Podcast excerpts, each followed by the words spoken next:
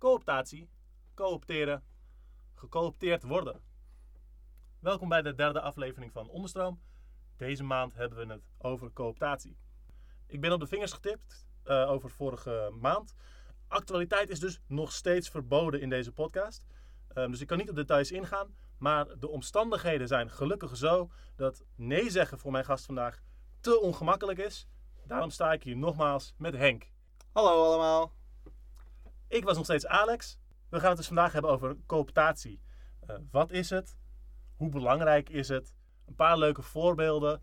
En hoe kan je je er tegen inzetten? Wij zijn Onderstroom. Veel plezier.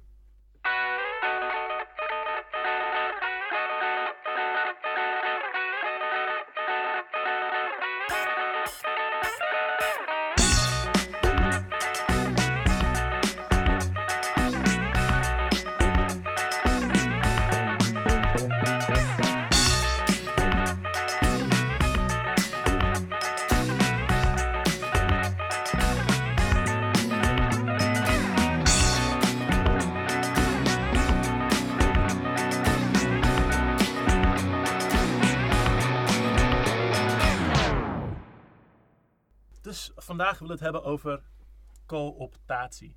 Vind jij het leuk om even te beginnen, Henk? Wat is cooptatie nou? Ja, ik, uh, ik kan het wel een beetje uiteenzetten. Allereerst wil ik zeggen dat het een heel belangrijk concept is waar we het helaas veel te weinig over hebben. Cooptatie is een, uh, een manier hoe bewegingen, projecten, uh, politieke groepen verslagen kunnen worden of verloren geraakt kunnen worden. Het is eigenlijk de, ja, je zou het kunnen zeggen als de angel uit protest halen of uit strijd halen. Het is het, het omvormen van de politiek van een project, van een beweging, tot iets anders. Vaak wordt er gesproken over gedepolitiseerd. Uh, ook omdat veel mensen in de beweging vaak hebben over iets is politiek of niet. En als iets niet politiek is, is het vaak pro-kapitalistisch of liberaal. Natuurlijk zijn die dingen ook politiek, maar dat is gewoon een stuk minder uh, expliciet. Het is allemaal een soort van impliciet aangenomen wat de politiek daarvan is. Winst, onderdrukking, uitbuiting, et cetera. En er zit ook vaak een teneur in van... wij zijn niet met politiek bezig, we willen het er niet over hebben. De mensen die er, die er bewust mee bezig zijn, die hebben het altijd over politiek. Um, maar als je het niet zegt, dan noem je het niet politiek, dan val je buiten die sfeer. Ja, um, ja dat is makkelijk, want dan hoef je er ook geen kritiek op te hebben natuurlijk. Hmm. Nee, ja, klopt. Cooptatie is dus een manier hoe dingen ofwel gedepolitiseerd worden of, accurater gezegd, de politiek omgevormd wordt. Er zijn heel veel verschillende soorten daarvan. Uh, ook heel verschillende manieren hoe dat gebeurt. Het kan van bovenaf gebeuren door bedrijven of de staat. Het kan uh, van onderaf gebeuren uh, door individuele activisten of bepaalde tendensen of groepen die het niet erg vinden om gecoopteerd te worden of het niet doorhebben dat ze gecoopteerd worden. Maar wat, wat het belangrijkste is om eigenlijk te, te weten als we het hierover gaan hebben, en we gaan het later ook niet alleen hebben over hoe dit gebeurt, maar ook wat we er tegen kunnen doen.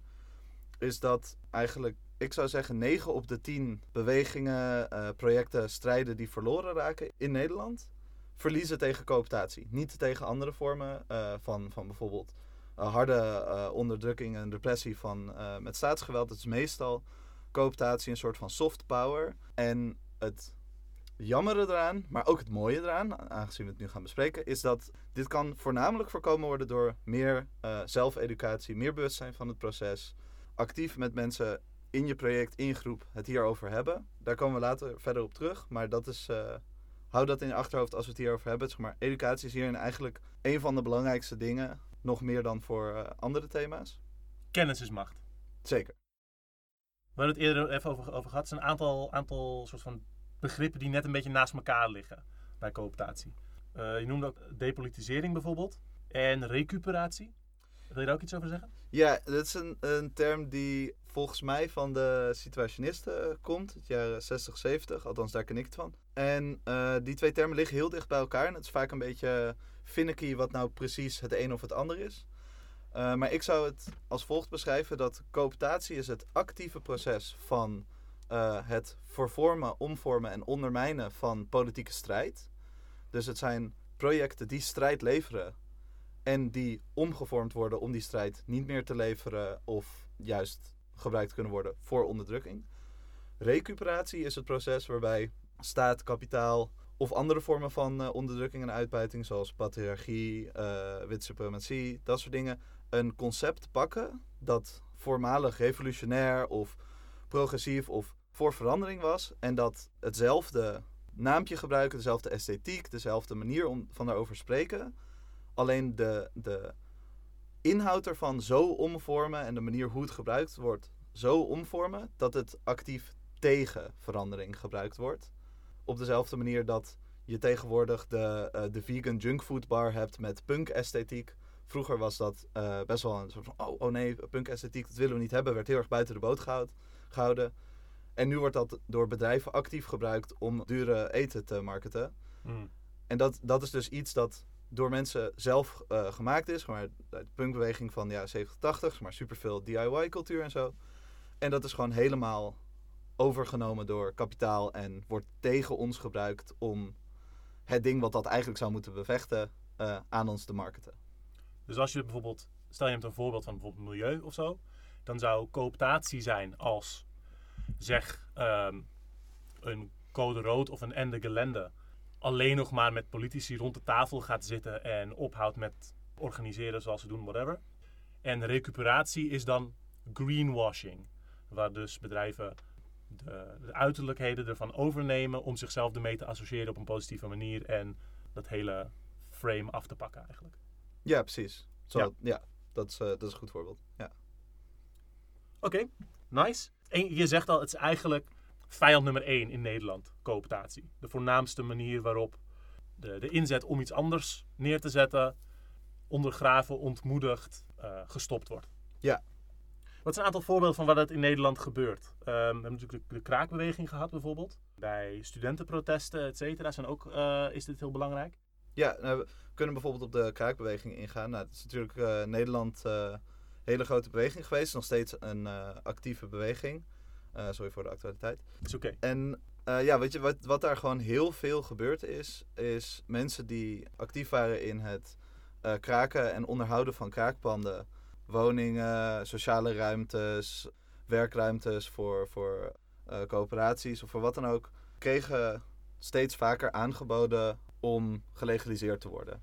En er zijn duizend verschillende kritieken voor, tegen, et cetera. Maar wat interessant is om te kijken, is hoe dat gebeurde en hoe mensen zich daartoe verhouden en ja, wat, wat eigenlijk wat dat deed met de politiek van dat soort projecten. Uh, en, en wat je ziet is dat heel, bij heel veel van dit soort panden het legalisatieproces ook een omvorming van de politiek betekende. En het heeft heel veel verschillende uh, redenen, maar een soort van de, de rode draad die er doorheen gaat is omdat je binnen een stramien wordt gezet van staatsregelgeving, wat daarvoor natuurlijk minder was. Uh, omdat je je moet onderwerpen aan marktwerking, omdat je nu huur moet betalen of een pand koopt en hypotheek moet afbetalen, et cetera, is het makkelijker om uh, gecoopteerd te worden, om, om uh, de, de originele strijdbare politiek van om te vormen tot iets tammers en soms tot iets wat helemaal, zoals wij dan zeggen, gedepolitiseerd is. Dus gewoon een vaak wel goedkoper uh, huurwoning wordt, maar niet echt zeg meer actief inzet voor de beweging. En ik ben persoonlijk het bekendste met de situatie in Amsterdam, maar als je kijkt naar, het zal vast in de rest van Nederland ook gebeurd zijn, maar in Amsterdam zijn er echt duizenden, volgens mij misschien wel tienduizenden woningen gelegaliseerd over de jaren 80, jaren 90 heen. En die zijn allemaal uit de beweging verdwenen, niet meer uh, actieve panden geweest vaak zie je dat bij sociale centra nog wel langer blijft. Maar ook heel veel daarvan zijn echt ja, actief verdwenen uit, uh, uit de beweging. En soms later ook hun contracten kwijtgeraakt. Omdat ze niet meer die strijd kunnen leveren die nodig is om dat soort panden te behouden. Je ziet het heel veel inderdaad. Ik denk vooral nog bij woongroepen. Er zijn nog wel woongroepen die op een bepaalde manier strijdbaar zijn. Afhankelijk van hoe hoog je de lat legt. Um, en in ho hoe verder ze dat hebben, zie je ook dat juist die woongroepen die nog meer samenkomen, meer proberen politieke mensen erin te houden, uh, expliciet linkspolitiek dan, dat die ook meer in staat zijn om uh, hun rechten te behouden of zelfs uit te breiden of om hun loon, uh, sorry, om hun huur laag te houden, dat soort dingen. Terwijl andere woongroepen dus inderdaad die dat niet doen, dat hoewel zij zelf het recht hebben bijvoorbeeld om te bepalen wie erin mag komen, dat zij niet daar bewust genoeg mee bezig zijn om daar een bepaald politiek karakter vast te houden. Waardoor ze ook steeds minder dat tegengas kunnen geven op bijvoorbeeld de, de eigenaar. Een gelegaliseerd pand is vaak alsnog bijvoorbeeld een, een woongroep in beheer van een, een vastgoedontwikkelaar of een huizencorporatie. Uh, dus die moeten daar tegengas tegen kunnen blijven geven. En uh, zeker in dit soort contexten is dus de, de cooptatie is, of een deel van die cooptatie en depolitisering, is het afkalven van die, die bewuste inzet om uh, je ruimte autonoom te houden en om daar dingen mee te doen. Ja, ja ik, ik denk het, het is ook wel interessant om daar iets specifieker op in te gaan, dat er een soort hele diepe geschiedenis van cooptatie achter zit. Uh, omdat vooral in Amsterdam heel veel woningen gelegaliseerd, gekaakte woningen gelegaliseerd zijn. Die in eigendom waren van woningcorporaties. En waarbij het legalisatieproces ervoor gezorgd heeft dat mensen een, ja, in feite gewoon een veel beter huurcontract hebben gekregen, uh, veel gunstiger meer rechten. Wat je tegenwoordig ziet is dat uh, woningcorporaties heel actief proberen om bijvoorbeeld in dat soort woongroepen of in uh, panden waar verschillende losse woningen zitten, een, tactiek daarvan is dat ze proberen om daar campuscontracten in te krijgen. Omdat als je een campuscontract hebt, kan dat ene campuscontract nog wel voldoen aan die meerdere rechten die ze als pand gewonnen hebben. Maar als uh, vereiste voor campuscontracten is dat er daarna weer een campuscontract in komt. Dat het studentenwoningen blijven. Waardoor je dus zorgt dat er een snellere overloop is in de hoop dat hoe meer studenten daar gaan wonen, hoe meer die geschiedenis uh, verdwijnt, het collectieve geheugen dat dit een politiek pand is en zoiets snel verwatert. En dat is iets waar je heel erg op moet letten. En in de meer politiek bewuste panden mensen ook heel erg doen om dat buiten de deur te houden, dat soort contracten. Maar dat dat, dat nu gebeurt met panden, is ook weer gelinkt aan de manier hoe die panden gelegaliseerd zijn. Want heel veel panden zijn gelegaliseerd met deze constructie, met woningcorporaties. Omdat mensen, toen ze dat legaliseerden, nog een soort vertrouwen hadden in woningcorporaties. Als zijnde een soort sociaal, collectief ding. En nou ga ik iets heel chockerends zeggen voor de jonge luisteraars. Uh, omdat voor de jaren negentig woningcorporaties waren uh, ledenorganisaties met algemene ledenvergaderingen, waar de leden in grote lijnen het beleid mochten meebepalen. En dus echt invloed konden uitoefenen in enig, zeg maar, meer dan nu, maar het was niet, zeker niet perfect of zo op, op het beleid. En is dat een deel van zeg maar, new public management in Nederland geweest? Dat zeg maar, ook de medezeggenschap in universiteiten af, afnam. Is dat zeg maar, in dezelfde golf een beetje? Dat het, ze dat, want nu is het compleet geprivatiseerd. Nu is een huizencoöperatie is in principe gewoon een commercieel bedrijf. Als ik het, als ik het goed heb, uh, maar als er uh, beter onder, onder uh, belezen luisteraars zijn, moeten ze mij maar verbeteren. Volgens mij zijn er daadwerkelijk rechtszaken geweest in de jaren 90 van de bestuurders van woningcorporaties, waarin zij zeiden dat ze in de weg werden gezeten van het efficiënt en goed besturen van hun organisaties door de leden, alsof er een soort belang is voor de organisaties buiten dat belang van de leden om. En aangezien de staat dat, natuurlijk erkent, want die wil het liefst dat het gewoon bedrijf zijn, uh, zijn die gedwongen ontbonden en uh, zijn alle leden eruit gegooid en zijn het zeg maar, uh, geprivatiseerde bedrijven geworden. Waarvan ik niet zeker weet hoe dat, de, de eigendomssituatie nu precies ligt. Maar ja, dit is dus zeg maar hoe die dingen ge ge gelegaliseerd zijn in dat, met dat vertrouwen in die woningcorporaties. En als we dan nog een stapje dieper gaan in de geschiedenis, dan kunnen we zien dat die woningcorporaties in eerste instantie opgericht zijn door arbeiders, door linkse groepen die zelf woningen voor zichzelf gingen maken, omdat staat en kapitaal dat niet voor ze gingen doen.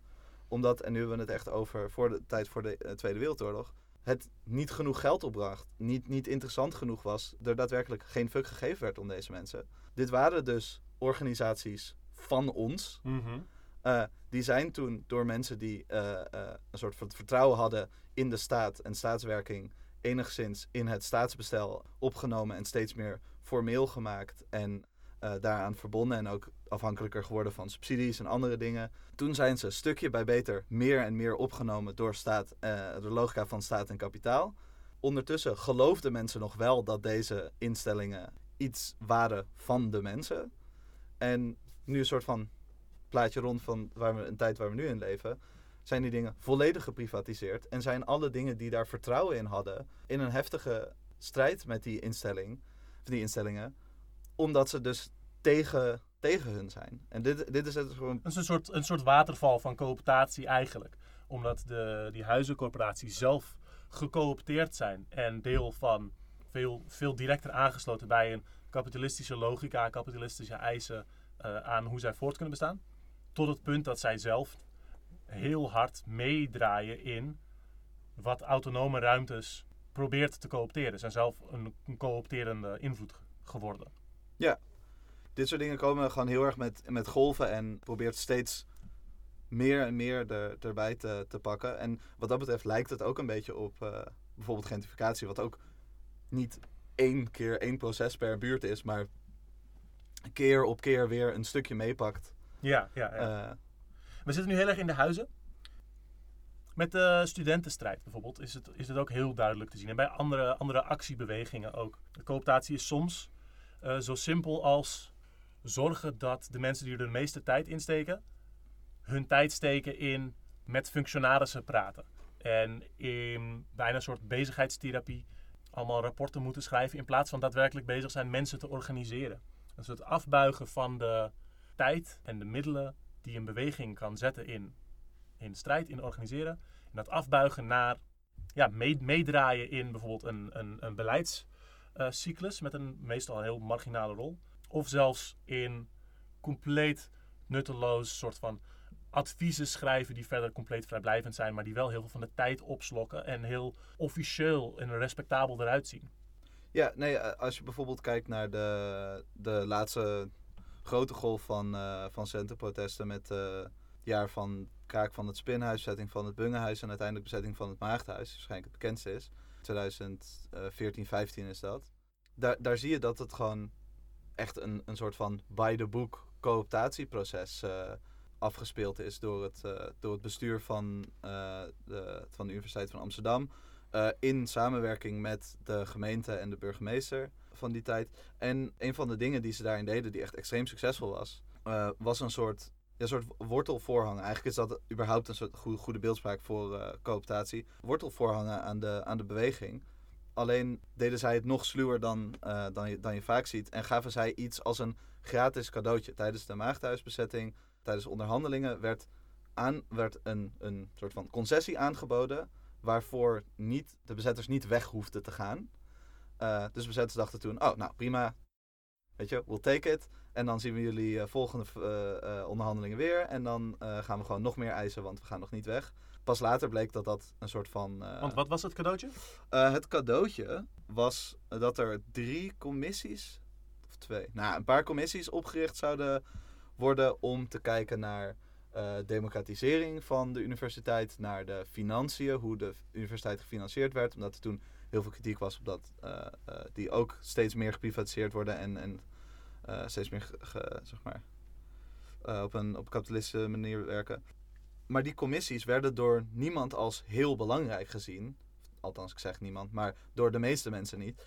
Um, maar die werden door, de, door het bestuur steeds meer naar voren gebracht als zijnde soort van... Dit, dit is de reden waarom we het maagdhuis gaan ontruimen. Dit was de concessie, terwijl dat in de onderhandelingen totaal niet zo was. Uh, en vervolgens, omdat het dan maar het enige was wat concreet afgedwongen gewonnen was, gingen mensen er tijd in stoppen om het dan maar het beste ervan te maken. Van oké, nou die commissies gaan er dan komen. uh, wie komen daarin? Hoe kunnen we daar invloed op uitoefenen? Uh, op wat voor manier gaan die beslissingsprocessen uh, genomen worden? wat wordt er geïmplementeerd van die dingen? En dit is een, een soort van gigantische operatie die vanuit de universiteit georganiseerd werd. De universiteit is een, zeker de Universiteit van Amsterdam, is volgens mij een van de grootste werkgevers van de hele gemeente Amsterdam is een gigantische organisatie met eindeloos veel geld. Op de markt al, maar al helemaal tegenover gewoon een stel activisten. Uh, die kunnen gewoon mensen permanent in dienst hebben om aan deze shit te werken. En dat is voor hun een soort a, drop in the bucket. Dat is bijna niks. En het is gewoon een beetje ah, gekke afleiding, helaas. Mensen mee laten draaien in een gekke papiermolen. Voor activisten is dat ontzettend veel tijd. Dat is echt gewoon vernietigend voor het organiseren. En het is niet alleen tijd waar je afgeleid wordt, maar het is ook de manier hoe je ermee bezig bent. is ontzettend frustrerend. Je moet je eindeloos lang inlezen in allemaal bureaucratische regels, in dossierkennis, et cetera. Dat, dat is, het is bijna een soort afleidingsmanoeuvre. En uh, de, de cooptatie zit hem meer in, als je lang genoeg meedraait in dat soort processen, ga je dat internaliseren. Je gaat het, het, er is ook een soort voorselectie. Welke mensen gaan zich op die processen gooien? Niet, niet alleen maar, maar voornamelijk mensen die daar affiniteit mee hebben. Die toch al minder kritisch waren op het systeem. Of die het wel leuk vinden om heel veel dossiers te lezen. En die worden steeds belangrijker in de beweging. Hmm. Eh, omdat zij degene zijn die dit doen. Omdat op elke vergadering dit besproken moet worden, et cetera. Waardoor je eigenlijk een soort van ja, mini-versie van je eigen bureaucratie gaat, uh, gaat maken. Om mee te doen aan die van de universiteit in dit geval. Ja, want als je dit, uh, als je dit zo hoort, kan ik me voorstellen dat je denkt van... Nou, er is zo'n zo'n gekke commissie. Een paar mensen gaan daarin. Het zijn niet eens per se, soms wel, soms niet, de meest actieve organiseerders nu. Nou en. Maar oké, het, het kost veel tijd voor die mensen. Maar wij kunnen gewoon nog steeds onze gang gaan met de andere dingen die we doen. Uh, maar het, probleem daarin, als ik, je, zo goed versta, is dan dat uh, een deel van de cooptatie ligt erin dat dat, dat proces steeds meer het belangrijke ding wordt dat er gebeurt. Bijvoorbeeld dat de media daar voornamelijk over schrijven. Of dat uh, er in andere acties constant verwezen wordt naar... nee, maar er is al die commissie. Dus daar is waar het praten gebeurt. Waardoor um, het van buitenaf de mensen in die commissie tot de leiders ook maakt, bijvoorbeeld. Ja, heel erg. Want in, in de ogen van wat je zegt naar media en dat soort dingen... is het een legitiemer ding dan de actievoerders die komen alleen maar in de media omdat er niks anders is, het spannend eruit ziet, of omdat het nu toch wel eigenlijk wel heel erg veel uh, acties en mensen zijn. En eigenlijk in zo'n situatie kan je zoiets links laten liggen. En in mijn mening is dat vaak eigenlijk een goede uh, manier om daarmee om te gaan. Het probleem daarmee is dat het, het is niet alleen verleidelijk op individueel niveau. Het is ook iets waar mensen zich toe willen verhouden. Dus zelfs al zit je zelf niet in de papiermolen en ga je acties doen. Als die acties ook weer gericht zijn op dit proces, op die commissies, ben je al soort van een stap beter. Want je bent nog jezelf aan het organiseren en acties aan het doen. Maar je bent alsnog aan het reageren op dit proces. En om het voorbeeld van, van de Universiteit van Amsterdam weer aan te halen, is om de manier hoe het bestuur dit presenteerde, was al soort van, ja, wij willen een open platform bieden. Uh, het gaat over democratisering, dus echt iedereen moet meedoen. En dat was actief gericht om ook de vijanden van de progressieve beweging binnen de universiteit uit te nodigen om dit platform te gebruiken. Dus er kwamen allemaal extreem rechtse lui om de hoek kijken. En uh, allemaal super conservatieve docenten die helemaal niet willen dat, uh, dat studenten iets te zeggen krijgen. En dan krijg je opeens heel veel mensen die denken: oh shit, maar wat als die het kunnen invullen? Dat is ook heel slecht. Dus het, het, is, ja, het is bijna niet iets dat je kan negeren. En dat maakt het zo fucked up. Dat maakt het zo hmm. moeilijk om mee om te gaan. Ook omdat het, het komt zo, zo vriendelijk over, als een cadeautje. hey, dit is helemaal niet de onderhandeling. Maar wij dachten, we geven jullie dit platform om mee aan de slag te gaan. Het is uh, die, die, die metafoor van noem het een soort wortel die je wordt voorgehouden. Je komt best wel snel als een soort douchebag over als je zegt, fok op met je wortel. Uh, ik heb het niet nodig. En ook in, in, je, in, je, in je beweging uh, dat neer te zetten als een houding, uh, is best wel moeilijk en best wel soort van lastig ook te verkopen aan mensen, als ze helemaal als ze niet zelf activisten zijn. vooral de, zeg maar, de, de media, uh, hoe die daarmee omgaan, zijn vaak heel erg gericht op. Ja, maar je wilt toch iets, dan moet je toch met ze gaan, met, met het bestuur of de, de bazen of wie, wie, wie dan ook gaan praten. Je moet toch de discussie aangaan, zoals dat altijd in Nederland genoemd wordt. En, en er wordt heel vaak gezegd van, je bent toch niet onredelijk, je wilt toch dat ding, dus waarom neem je het dan niet aan? Er is overigens een hele goede tekst geschreven door, uh, volgens mij, door CrimeThink. Uh, why, we, why We Don't Make Demands, uh, heet het volgens mij. Het zal wel in een linkje onder komen te staan. over het, een mogelijke oplossing voor dit is om überhaupt geen eisen te stellen. maar alles door directe actie proberen te, te bereiken. Gaan we ook nog op terugkomen op het einde. Maar dat is een interessante. Ik zal hem inderdaad onderin plaatsen. Um, ja, is een beetje beschreven. Het is is. Soms is het echt het wegsluizen van moeite. Het afbuigen van, van de inzet. Um, het, het, sturen van wie praten er allemaal mee en niet. Um, en ook bijvoorbeeld wat je, wat je zegt, een, een, een ruimte maken waar de, de georganiseerde oppositie uh, veel meer moeite heeft om zich als een samenhangende stem te presenteren.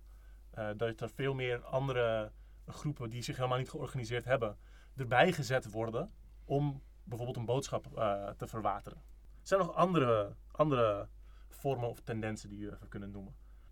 Ik ga het later, wil ik het, uh, strakjes wil ik het over zeg maar, ook het parlementair systeem even hebben. Ja, er zijn wel andere vormen van te noemen. Zoals ik al eerder zei, het kan dus van, het wordt van bovenuit gepland. Zeg maar besturen van instellingen, bazen van bedrijven, de staat hebben allemaal actief plannen om dit ons aan te doen, zeg maar. Maar het gebeurt ook van, van onderop. En dat is ook wel echt iets om, om goed naar te kijken. En iets waar, waar we zelf ook sneller, makkelijker, meer iets aan kunnen doen. Althans, het is, het is moeilijk, want we hebben het dan over dan wel kameraden of at least mensen waarmee je moet samenwerken in uh, bepaalde activistische projecten. Uh, maar één, één vorm daarvan, dat is iets wat je heel veel ziet in protestbewegingen, in, in, in acties en dat soort dingen, is uh, iets dat ik zou, zou willen noemen maar een soort cashing in your chips. Het is, een, het is een sentiment dat mensen misschien wel herkennen. Het is vaak bij, vooral bij protestbewegingen die een soort eis hebben of die een soort uh, doel hebben dat ze willen bereiken. Uh, waarbij er dan individuen zijn of hele tendensen binnen de beweging die zeggen: nee, we zijn nu op het top van het momentum of dit is het, het grootste wat we kunnen bereiken. Nu moeten we een soort compromis maken. Nu moeten we onze, onze chips inleveren en dit, deze winst pakken. Meer zit er niet in. Dat is, het is een casino-metafoor. Je bent aan het spelen, roulette, whatever. En je hebt een grote stapel chips, uh, casino-geld opgespaard. En je denkt van, op elk moment kan mijn geluk op zijn. Op elk moment kan er iets gebeuren, kan, de, kan het te ver zijn gegaan en zijn we alles kwijt. Dus we moeten nu dat wat we hebben consolideren, cashen. Uh, voor het beleid gaan, voor hetgene wat aangeboden wordt. Ja. Um, ja. En het, het heeft vaak een, een soort dubbele, dubbele problematiek. Aan de ene kant is het uh, helemaal niet zeker dat dit de top van het momentum is. Dat dit het enige is dat je kan halen. En de manier hoe het gepresenteerd wordt is vaak... dan nemen we dit en daarmee wijzen we de rest af. Op zich is een vorm van cashing in your chips. Daar kan je over discussiëren of hoe goed je dat vindt. Maar hoeft niet problematisch te zijn. Maar de manier hoe dit specifiek werkt... is dat mensen zeggen... dit is het enige dat we kunnen bereiken. En de rest daar gaan we ons niet meer voor inzetten. En de mensen die dat doen, worden als soort van vijanden van de beweging of saboteurs, ondermijners of, of als uh, adventuristen of wat dan ook gezien. En die, en die worden actief ook door deze mensen aan de kant geschoven. Dat is in principe het, het moment van uh, actie zelf, hoe, hoe dit werkt. Wat er vervolgens als tweede laag problematisch aan is. Want in de, in de toekomst gaat dit natuurlijk nooit houdbaar zijn. Want het hele idee is dat je stopt met strijden, dat je zeg maar minder acties gaat doen, meer aan de onderhandelingstafels gaat zitten, uh, meer die compromissen eruit gaat halen. Uh, maar zodra je de actie stopt, zodra de druk van de ketel is, gaan ze zich natuurlijk nooit meer aan die afspraak houden. Dus zel hmm. zelfs in de zeldzame gevallen dat je nog een compromis eruit kan halen, waar, waar je iets om geeft, meestal krijg je wel een vorm van compromis, maar waar je iets om geeft, iets dat je zou willen behouden in de toekomst, kan je dat niet behouden, omdat de beweging actief, en in dit geval van binnenuit, gedemotiveerd wordt om door te strijden. En dat specifiek met, als het gaat echt om een, om een actiebeweging, om iets dat, dat, dat gaat om een, een huidige campagne en door en door en door, heeft de staat bijvoorbeeld ook geleerd dat het momentum heel belangrijk is. En dat als je daar even mee ophoudt, dat het heel lastig eigenlijk is. Veel lastiger uh, voor de actiebeweging dan voor tegenstanders om die druk weer aan te halen. De, weet ik veel, een, een, gemeenteraad kan op elk moment zeggen, nou, nu gaan we ze wel ontruimen, want die politie is toch al betaald. Maar een, een actiebeweging kan niet zomaar op elk moment zeggen, nu gaan we het allemaal weer zo belangrijk vinden als twee maanden geleden. Dat is niet hoe het werkt.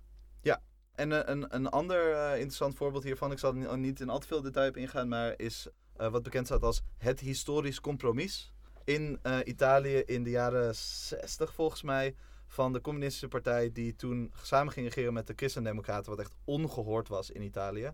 Als poging om de strijd die van onderop en dus buiten de controle van de communistische partij viel, te sussen, te ondermijnen omdat zij, of heel cynisch gedacht, daar nooit iets mee hadden, of iets positiever over de partij gedacht, dachten dat, dat ze iets eruit moesten halen omdat het anders eh, niet goed ging aflopen. En of je dat nou op een cynische of een positieve manier invult, beide is een slechte beslissing, een slechte strategische beslissing, omdat het jezelf ondermijnt in de strijd die je aan het voeren bent en in je toekomstige positie. Maar ja, als je daar meer over wil weten, dan moet je dat zelf even eh, opzoeken. Ja, cool. Even denken, ja, we hadden het ook al een beetje over zeg maar, de, persoonlijke verandering. Dat uh, bijvoorbeeld als iemand in, een, uh, bijvoorbeeld in zo'n commissiestelsel of een ander soort van uh, coopterende bezigheidstherapie meegenomen wordt, dat je ook in een, in een bepaalde andere sociale kring mee gaat draaien en daar meer van je tijd gaat besteden. Met mensen die daar vol tijd professioneel mee bezig zijn. Activisten zijn natuurlijk over het algemeen gewoon vrijwilligers. Die dus eigenlijk ook minder tijd hebben om dingen te doen. Uh, minder zeg maar, hun, hun e-game ervoor kunnen, kunnen brengen. Waardoor ze ook soms minder serieus overkomen. En als jij dan in plaats daarvan in iets van een, in een commissie kunt zitten met allemaal directeuren en allemaal andere mensen die daar gewoon voor hun baan zitten. Dat, dat doet iets met je als persoon. Je kunt heel erg soort van daarmee vervreemd raken van de actiebeweging waar je vanuit komt. En die, die vervreemding, die afbraak van die verbinding, die is op zichzelf al, al schade aan de beweging. Maar het feit dat uh, zo iemand die, uh, die in die positie zit, dat die zo, zo meekomt in dat, in dat, beleidswereldje eigenlijk, uh, dat zorgt dat hij zelf vaak iets van een, een, een invloed kan gaan hebben. Dus het is ook, ja, ook een, een deel soort van een soort persoonlijkheidsshift. Um, ik zag toevallig uh, laatst een uh, Bob's Burgers aflevering. Waarin, waarin al die kinderen die gingen dan samen een, een product maken voor de, voor de school om iets van benefietgeld op te halen. Maar het was deel ook van hun ondernemerschapsles of whatever. En zo grappig. Er kwam er een, een schifting tussen de kinderen die de, de spullen gingen maken en de management crew. En de ene was de, de marketingpersoon. En de andere was echt de, de conceptuele guy die alles had bedacht. Um, en toen, uh, en die, die deden dus eigenlijk niks. En die hadden zo'n opscheiding opge, opgezet tussen de, de werkers en zij. En zij gingen gewoon de dag limonade drinken. En die werkers die gingen de hele tijd dingen maken. Die werkers gingen zich toen een beetje organiseren. Dus de oudste van hen, die ging naar die managers toe. Zei, hé, hey, dit is een beetje raar, toch? Mogen wij niet ook limonade? Trouwens, um, waarom komen jullie niet even helpen? Want mijn arm is een beetje lam. En uh, hoe zit het allemaal? Zo, nou, wat goed dat je dit kon brengen. Wat slim. Dat hebben wij nodig hier. Hè? Is iemand die zo zo snapt wat er speelt op de werkvloer. Wat als jij nou uh, assistent manager en uh, relaties naar de vloer wordt? Dan kun jij zo ertussenin staan. Waarmee dus die persoon, dat is karakter Tina, gecoopteerd werd. En degene moest worden die het slechte nieuws ging brengen naar de achterban. Terwijl het eerst degene was die vanuit de achterban richting de machthebbers toeging. Vond ik een heel mooi Heel ja, mooie illustratie van het proces. Ja, het, het, het grappige is, is ook zeg maar een... een um, dit, dit is gewoon een best wel pijnlijk accuraat voorbeeld. Het, het is ook iets dat in... Uh, Bob's uh, Burgers Docs. ook iets dat je in, in Nederlandse uh, ondernemingsraden ziet. Volgens mij klopt dit niet helemaal meer, omdat het alweer veranderd is. Maar vlak na de Tweede Wereldoorlog, volgens mij is het echt jaren 50 en loopt het door tot in de jaren 60 um, waren er twee vormen van ondernemingsraden. Uh, eentje heette ondernemingsraad en de ander heette iets anders. Maar ik ben dus die andere naam vergeten, dat is heel jammer. In het Engels is het Works Council versus Workers Council. Ja, precies. En ja. dat is dus ook het verschil in de Nederlandse. Uh, want degene die niet ondernemersraad heet, want waarom de fuck Ondernemingsraad. Heet het, waarom heet het ondernemingsraad? We zijn niet dingen aan het ondernemen. Het is een onderhandelingsplek, of tenminste het zou het moeten zijn en is het dus niet maar uh, voor ar van arbeiders om hun uh, belangen te verdedigen. Uh, maar diegenen die dus niet ondernemingsraden heten, waren degenen die gewonnen waren door strijd. En dat waren vaak dingen met kaders van vakbondsactivisten die harde eisen op tafel legden, in actie gingen als ze die niet kregen. En omdat de Nederlandse regering en het bedrijfsleven zag dat dit best wel succesvol was, weet je wel, werkers die zichzelf organiseren en in actie komen voor hun belangen. Tip aan de mensen thuis: do try it at home. Is dat zij zelf ondernemingsraden gingen maken waar volledig de angel eruit was getrokken. Bij voorbaat al, omdat zij van bovenaf georganiseerd waren. Maar er was een soort leegte die dan gewoon direct gevuld werd. En daarna kan je veel moeilijker een soort arbeidersraad daarnaast opzetten, omdat je dan je moet verhouden tot die ondernemingsraad. En Ja. dat is een hele slimme manier om dat soort van voor te zijn. Eh, Heel interessant. Als je wel eens in ondernemingsraadland eh, rondloopt, heel expliciet mocht er, wordt er niet gesproken van onderhandelingen. Dat doet niet. De vakbond onderhandelt, de ondernemingsraad pleegt overleg. En wat je ook ziet is dat eh, met de invoer van de ondernemingsraad organisatiegraad in Nederland, de hoeveelheid van de werkende bevolking die lid is van een vakbond, extreem gekelderd is. Eh, dat heeft allerlei oorzaken, maar ook dit van de ondernemingsraad. En eh, dat heeft er deels mee te maken dat uit, uit enquêtes, uit onderzoek blijkt dat mensen vinden dat als je op de FNV-groep in de ondernemingsraad stemt, dat dat eigenlijk al je steun aan de FNV meegeeft. En dat je er niet ook nog lid hoeft te zijn. Maar dat betekent wel dat ze minder geld hebben om mee te spelen, minder leden hebben, ze jou minder kunnen bereiken voor acties, et cetera, et cetera. Niet dat de FNV zo actiebereid is, maar in principe is dat een probleem. Ja, nee, ik zal hetzelfde opnemen voor de FNV, maar de FNV is doorgaans beter dan ondernemingsraden. Het is zeg maar van slecht naar slechter. Ja, nee, dit is eh, super hard een ding. En mensen gaan het gewoon zien op als dezelfde manier als het landelijk parlement. Ik hoef niet lid te zijn van een partij, maar ik stem er wel op. Ja, ja, ja. Laten we het even hebben over de meest veel directere cooptatie. Gewoon het, eh, het harde geld, de carrière-tijgers. Het zijn hele interessante onderwerpen, we zijn heel erg over alles aan het praten, maar de soort van de meest, meest directe cooptatie, die direct het meest herkenbare is bijvoorbeeld ehm, als we bezig zijn met dit project, ehm, dan moet ik mijn, eh, dan wil ik daarna nog wel ergens een baan kunnen krijgen. Dus het mag niet te heftig zijn. En ik moet kunnen zien dat ik wel, dat het niet schade doet aan mijn carrière. Zodoende zal ik de boodschap afzwakken en gebeurt er iets van depolitisering, co-. Specifiek ook met parlementen wordt dit, wordt dit vooral belangrijk. Eh, iemand die zoveel tijd verkozen is geweest bij, stel een linkse partij, die wordt allerlei mogelijkheden voorgehouden om daarna in dit ministerie, dat bedrijf ook nog aan de bak te raken. Dat geeft wel een soort druk om dat niet te verliezen door je niet meewerkend op te stellen. Of eh, door op een andere manier mensen tegen de, tegen de enkels te trappen. Nog directer is dat er, ehm, of nog directer, een ander zeg maar, heel direct, zeg maar, duidelijkste voorbeeld voor, voor cooptatie is, ehm, dus bijvoorbeeld bij, bij legale sociale centra, als jij voor een, een project, een organisatie, iets van subsidie vangt of steun van bedrijven, dan betekent dat dat jij allerlei andere, andere werk waarvoor je dat, waarmee je dat geld zou binnenhalen, niet meer hoeft te doen. Of dat jij dingen kunt doen eh, waar je eerst het geld niet voor had. Als je dan dat geld opeens niet meer krijgt, betekent dat dat het hele kaartenhuis in elkaar kan storten. Dat is afhankelijkheid. En dat betekent dat jouw geldschieters controle hebben over jou.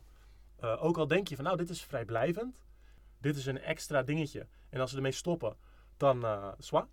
Het is qua houding best wel moeilijk om dat vast te houden. En uh, als je daaraan gewend raakt, en mensen verwachten dat, maar het is eigenlijk iets dat je niet op eigen kracht als beweging kunt regelen, dan is dat een risico uh, voor cooptatie. Omdat uh, bijvoorbeeld een, een overheid of een bedrijf bang is dat hun reputatie geschaad wordt door uh, associatie met een organisatie die bijvoorbeeld te radicaal is. Of die ingaat tegen de belangen van hun collega's of van een ander organisatieonderdeel. Directe financiële afhankelijkheid. Uh, en dat zie je dus ook bij sociale centra die uh, deels subsidie vangen. Of van sociale centra die een vergunning hebben om bepaalde soorten uh, evenementen te, te organiseren. Maar die dan bijvoorbeeld die vergunning moeten vernieuwen. En dan dus in dat onderhandelingsproces weten van, oh fuck, als wij ons zo en zo gedragen hebben, dan krijgen we misschien een minder goede vergunning. Um, al dat soort momenten waarbij je uh, je hand op moet houden, is een, een risico voor cooptatie. En is een plek waar staat, overheid, bedrijven gaan proberen om afhankelijkheid in te bouwen. Ja, ik, uh, ik, wil, ik wilde eerst even nog ingaan op de carrière-tijgers.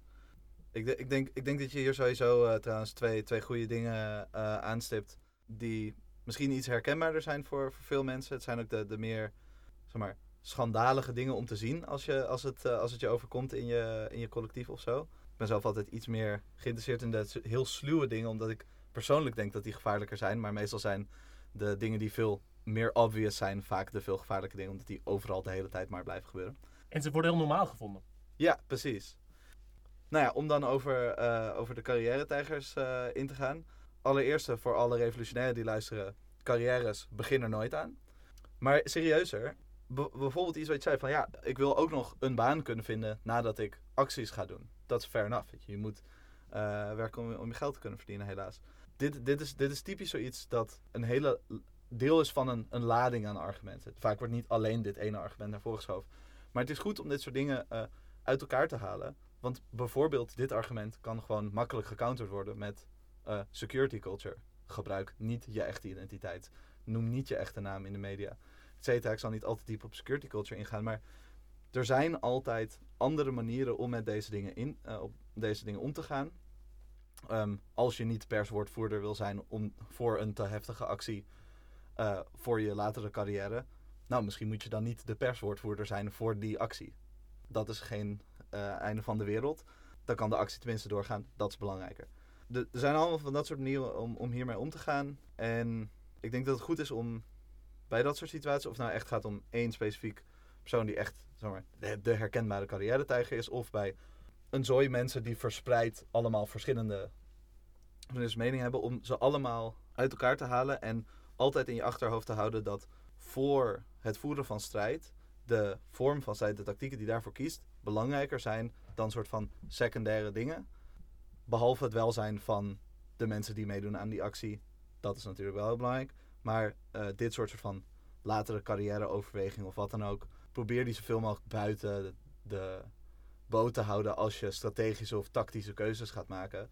Uiteindelijk zijn dat eigenlijk individuele keuzes van mensen. En je kan altijd kiezen of je ergens wel of niet aan meedoet. In plaats van dat mensen iets niet kunnen doen omdat één iemand eigenlijk niet mee wil doen daaraan.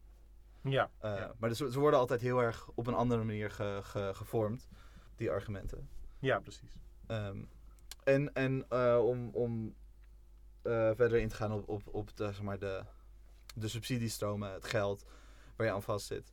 Ik denk dat een van de meest nare, erin sluipende dingen daarvan is dat mensen vaak in eerste instantie geld krijgen waar niet zoveel touwtjes aan vastzitten.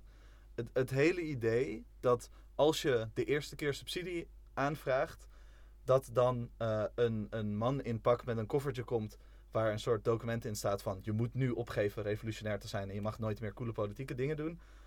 Dat soort dingen gebeuren vaak niet. Het is vaak, vaak veel langzamer en, en sluipender. En uh, de eerste keer kan je gewoon subsidie krijgen en dan staat iemand daar garant voor. Of je kent wel iemand die kunstenaar is en die kan dus zoiets doen. Of je kent via via iemand die bij een NGO zit. Nou, die wil er best voor vouchen, weet je wel. Is allemaal te doen. Die persoon verdwijnt. Of die persoon verandert. Of kan dat niet meer. Die is te serieus in zijn carrière. Whatever. Uh, het wordt steeds moeilijker.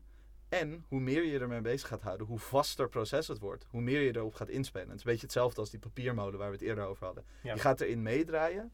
Alleen bij dit is het nu ook nog zo dat het de infrastructuur van je beweging gaat bepalen. He heel concreet, kijk, je kan met meer geld meer of minder dingen doen.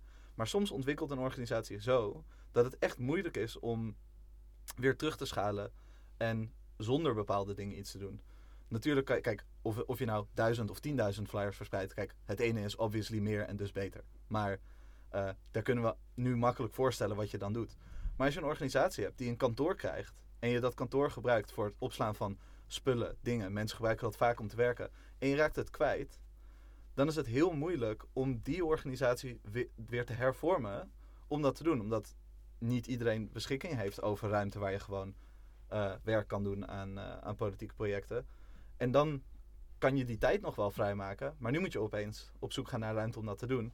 En dit is maar één klein voorbeeld, maar dat soort dingen zijn echt uh, soort van dingen, soort van angstbeelden voor mensen, waardoor ze ook dingen niet meer aan de willen raken, aan, willen veranderen. Zo van, nou, we krijgen die subsidie. Is misschien niet het meest ideale, als mensen er al kritisch op zijn. En dan denken ze van, ja, maar we kunnen dat kantoor niet kwijtraken. We kunnen dit niet. Misschien is, is iemand heeft een betaalde functie ergens. Nog een hele losse discussie over betaalde functies in politieke bewegingen. Maar een, een feit daaraan is dat iemands leven daarvan afhankelijk wordt. Als dat loon verdwijnt, is dat heel, heel dramatisch. Dus dat wordt een soort van. Ja, een veel sterker argument dan normaal. En al helemaal als je kijkt zeg maar links of autonome bewegingen en zo. Is het, waar, waar we veel meer waarde hechten aan de mensen waarmee we uh, samenwerken. Ja, die, je wil niet dat jouw kameraad zijn hele baan kwijtraakt.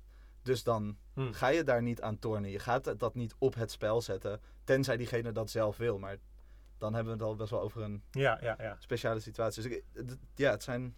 Het wordt vaak best wel, best wel moeilijker dan de, de allerduidelijkste soort van ideaaltypische voorbeelden. Um, ik wou het even hebben over een heel bijzondere papiermolen. Ik wil het soms eigenlijk liever wel vergelijken met een, uh, met een draaikolk. Ik heb het natuurlijk over het parlement. Het is mooi dat je het papier en, en draaikolk, want het parlement doet ook aan pappen en nat houden. Dat is, ja, mooi. Fucking leuk.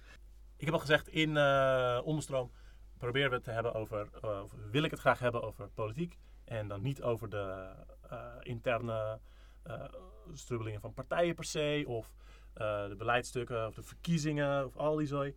Omdat er daarbuiten ook zoveel gebeurt. Maar er is ook een kritiek die ik heb op actief zijn in het parlement. En dat heeft heel erg te maken met deze cooptatie. Het parlement is als, als institutie uh, extreem uh, goed ingericht om dit soort cooptatie uit te voeren op de mensen die daar deelnemen of die zich daarop proberen te richten. Als je kijkt naar grote protestbewegingen die uiteindelijk door zijn gedrongen tot het parlement, dan is dat, dan is dat vaak voor hen geen winst uiteindelijk. Ik, ik heb wel eens een citaat gelezen het parlement is waar onze bewegingen sterven, niet waar ze winnen. Um, en ik denk dat dat in veel gevallen, bijvoorbeeld bij de, de pleinbezettingsbeweging van, van Spanje, waar uh, Podemos uit is voortgekomen, bijvoorbeeld, een heel goed voorbeeld daarvan is. Syriza, nieuw links in Nederland in de jaren 60. Ja. Nieuw links eigenlijk in de hele wereld. ja, ja, ja, ja, ja. precies. En er is natuurlijk een heel uh, scala aan meningen over het parlement en wat je ermee kan. Ik ben vrij kritisch, maar ik ben persoonlijk niet zo soort van totaal kritisch als sommige mensen. Maar ik denk dat je op z'n allerminst, als je een, een partij in het parlement wil hebben waarmee je denkt van daar, daar willen we iets mee bereiken, uh, dat je heel bewust iets nodig hebt dat de, de integriteit ervan uh, bewaakt.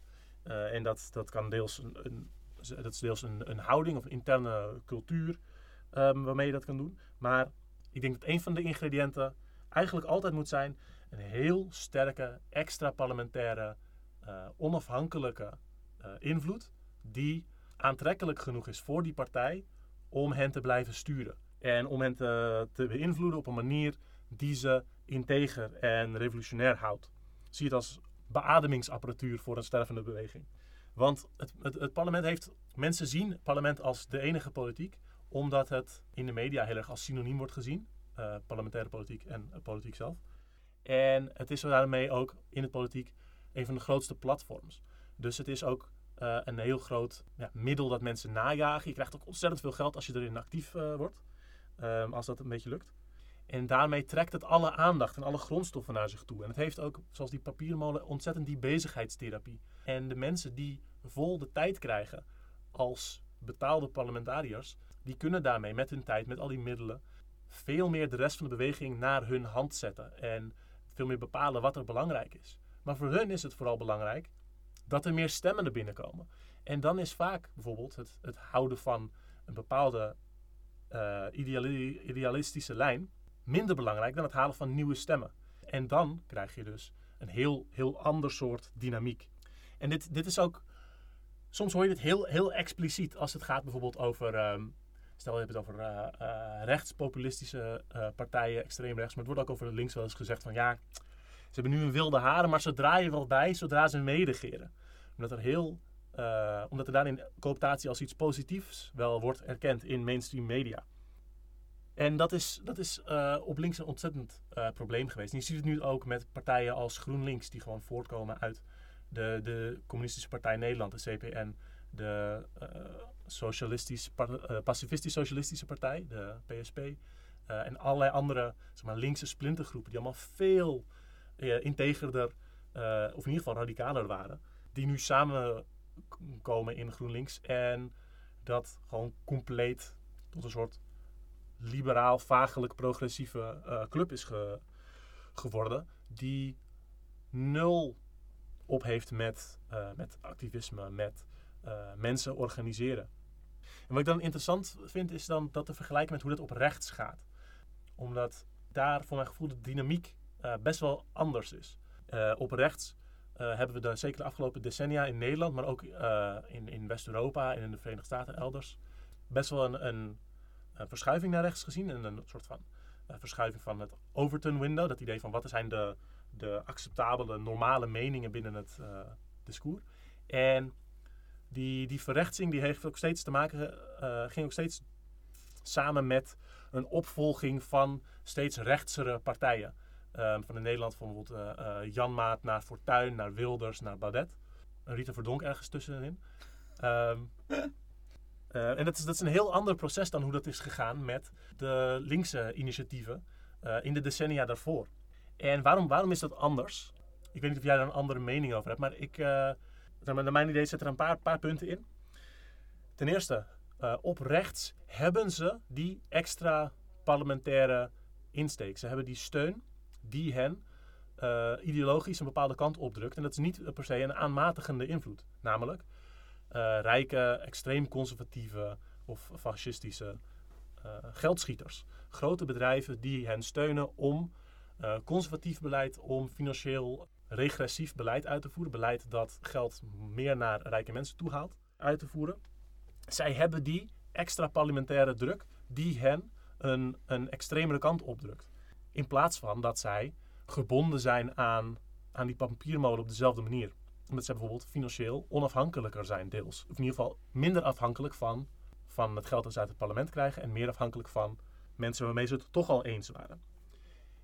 En daarmee komt denk ik ook een, een soort van houding van, van spel, van bewust een bepaald doel najagen mee.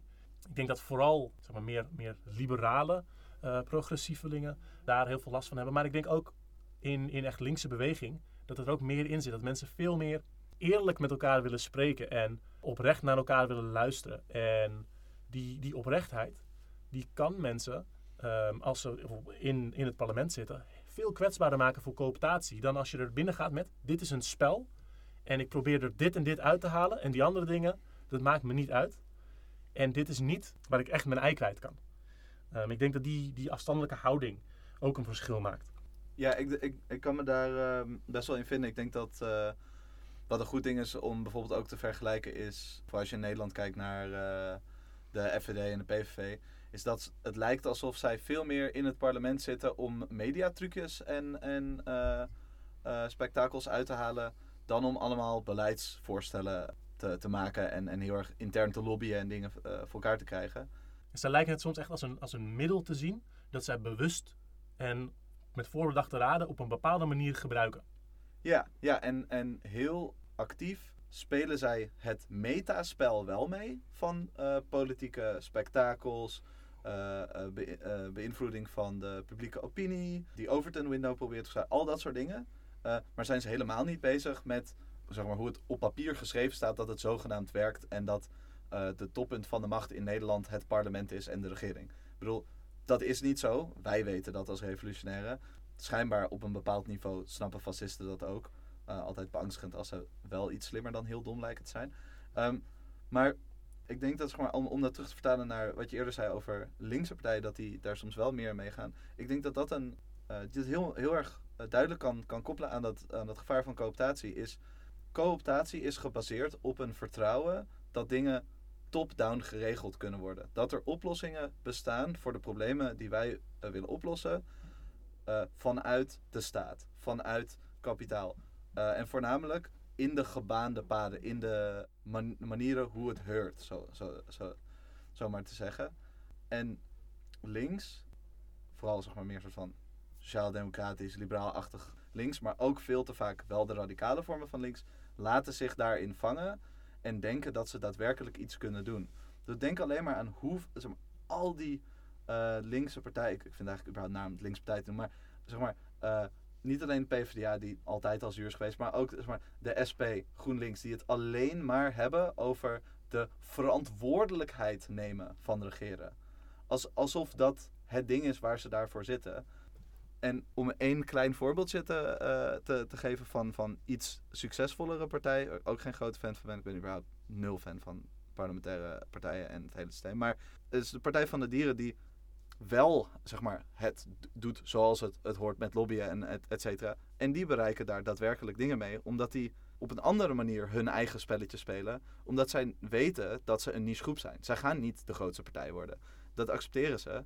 En zij gaan actief proberen om eh, brede coalities te maken voor de voorstellen die ze voorstaan. Natuurlijk zijn er allemaal andere problemen met Partij van de Dieren. En ik word om de oren gegooid met mensen die het over ecofascisme hebben. Misschien later nog een aflevering over. Maar die, die, die bereiken daar dingen. En extreem rechts bereikt eh, in de media dingen en steun en, en verplaatst het Overton window. Alle linkse groeperingen die geloof hebben, vertrouwen hebben in dat ze via het systeem iets kunnen veranderen, bereiken niks, verliezen steun en zijn ook actief hun eigen autonome infrastructuur elke kans die ze hebben aan het inleveren. Zoals de Sociaaldemocraten van voor de oorlog deden, loopt het tot op de dag van vandaag door dat alles voortdurend maar weg uit de beweging wordt gehaald en in ter goede eh, trouwen aan de staat en kapitaal wordt gegeven. En dan, guess what? Dan doen ze ermee wat ze altijd doen. Het wordt een onderdrukkend, uitbuitend systeem dat tegen ons gekeerd wordt. En dat is precies dat gevaar van cooptatie. Hm. Ja, ja, inderdaad. Dus, fuck gaan we doen dan? Wat dan? Wat dan? Wat dan? Hoe kunnen we cooptatie tegengaan binnen projecten waar we nu zelf misschien mee bezig zijn of die we op het oog hebben? We zeiden eerder, zeiden we vandaag, kennis is macht. Kennis van cooptatie, begrijpen hoe het werkt. Ja. Ehm, ja, ik denk dat, eh, ik denk dat dat een heel, heel groot eh, eh, verschil al kan maken. In Nederland is cooptatie natuurlijk een ontzettend groot probleem. En een deel van waarom het zo sterk is, is omdat heel veel mensen een vrij liberale houding hebben. In de zin van, binnen het systeem kan er van alles. Nederland heeft ook een heel erg soort van soft power aanpak qua het bestrijden van opstand, eh, activisme. Dus het zijn ook heel erg op, ingericht om te coopteren. En mensen zijn heel erg ingeprent dat het belangrijk is om netjes mee te spelen en aardig eh, te zijn. En die hele mythe van het poldermodel, waar ik misschien een andere keer nog over ga hebben. Woe! Eh, gaan we een andere keer doen.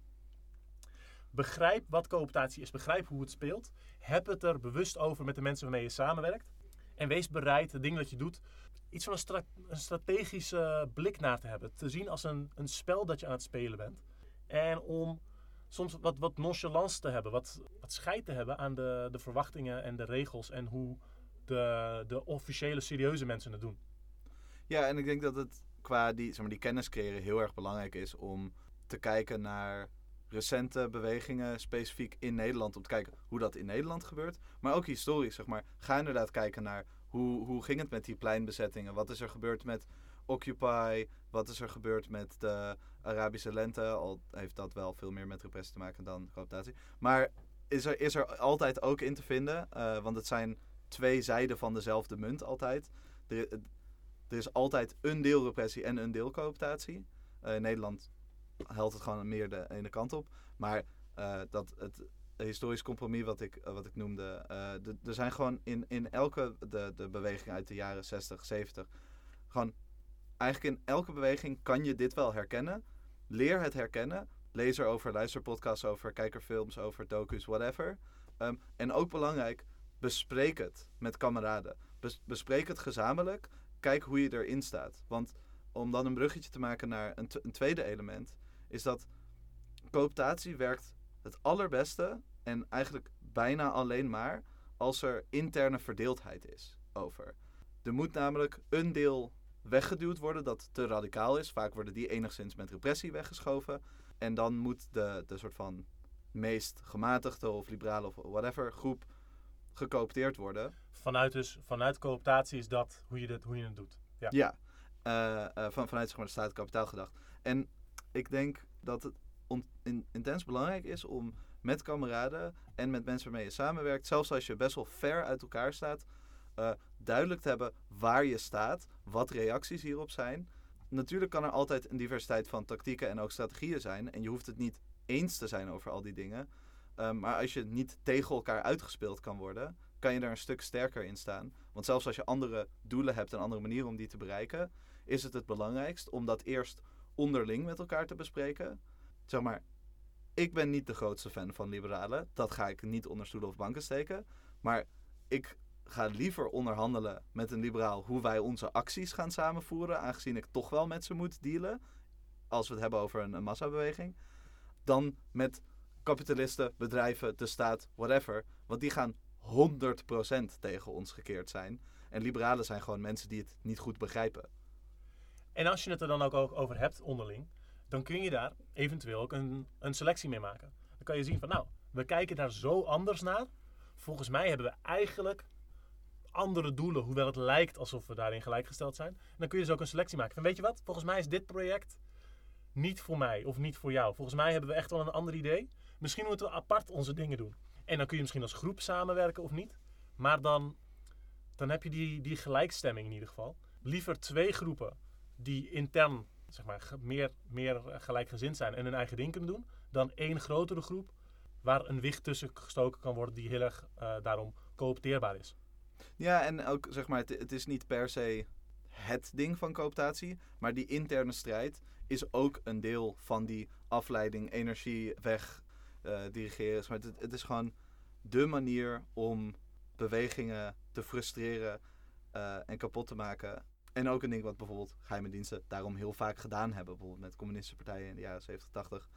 Uh, door gewoon uh, infiltranten daarheen te sturen. En weer dat ene super controversiële punt te maken waar iedereen altijd de hele tijd ruzie over heeft.